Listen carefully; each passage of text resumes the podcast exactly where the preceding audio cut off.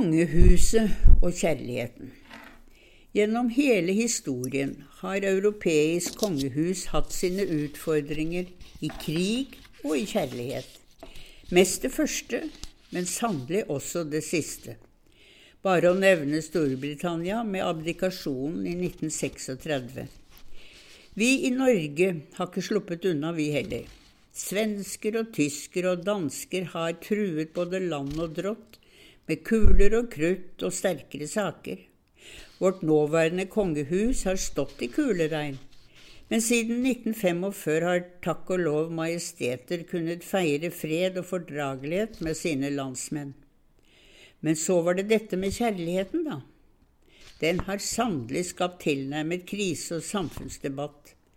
Kong Olav, som mest alenefar, har måttet kjempe seg til sans og samling med døtre og arvesønn, som gikk utenom tradisjon og kutyme, med å finne seg en hjerteskjær i ikke-rojale familier.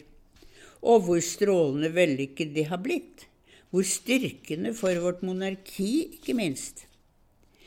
Jeg har i åpent lende gitt uttrykk for min store respekt for vår dronning Sonja etter at jeg innledningsvis satt på kritisk plankegjerde da hun ble kronprinsens utkårende. Jeg har bedt om unnskyldning for dette. Dronningen har jo nesten helt på egen hånd ikke bare styrket slott og hus og gård og grunn, men løftet frem norsk kulturarv og levende kunstuttrykk av alle slag. Kvinnen fra vinneren er majestetisk, tapper, vakker og utholdende hvor kronprins Harald har vunnet sitt folk for sitt valg av Mette-Marit som kommende dronning. Det var sannelig ikke enkelt for noen av oss, det heller. Hjemmet på Skaugum lyser av trofasthet og omsorg, plikt og varme. For størst av alt er kjærligheten. Også for Märtha Louise. Hun utstråler jo selve kjærlighet og varme og omsorg og smil det sies at hennes far er helt betatt av sin vakre datter. Det er vi også. Og Ari Behn var det, og nå Durek Verret. Nå er det bare av hjertet tiljuble vår prinsesse all lykke og alt godt.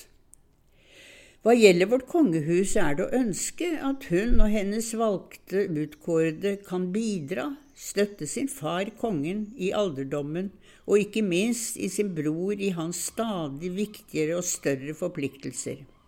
Det er sant å si litt skrantent på slottsbalkongen. Landet er langstrakt, det er ustoppelig klipping av snorer og åpning av sport og spill. Den røde løper trenger kongelige gjester uavbrutt. Da vil det hjelpe med flere kongelige føtter. At en flott mann fra California med en ganske annerledes kulturbakgrunn, for å si det mildt, skal ekte vår helnorske prinsesse, det blir en prøvelse for et moderne, men grunntradisjonelt kongehus. Men kongen selv er konge for vidsyn og respekt, som skal gjelde for alle.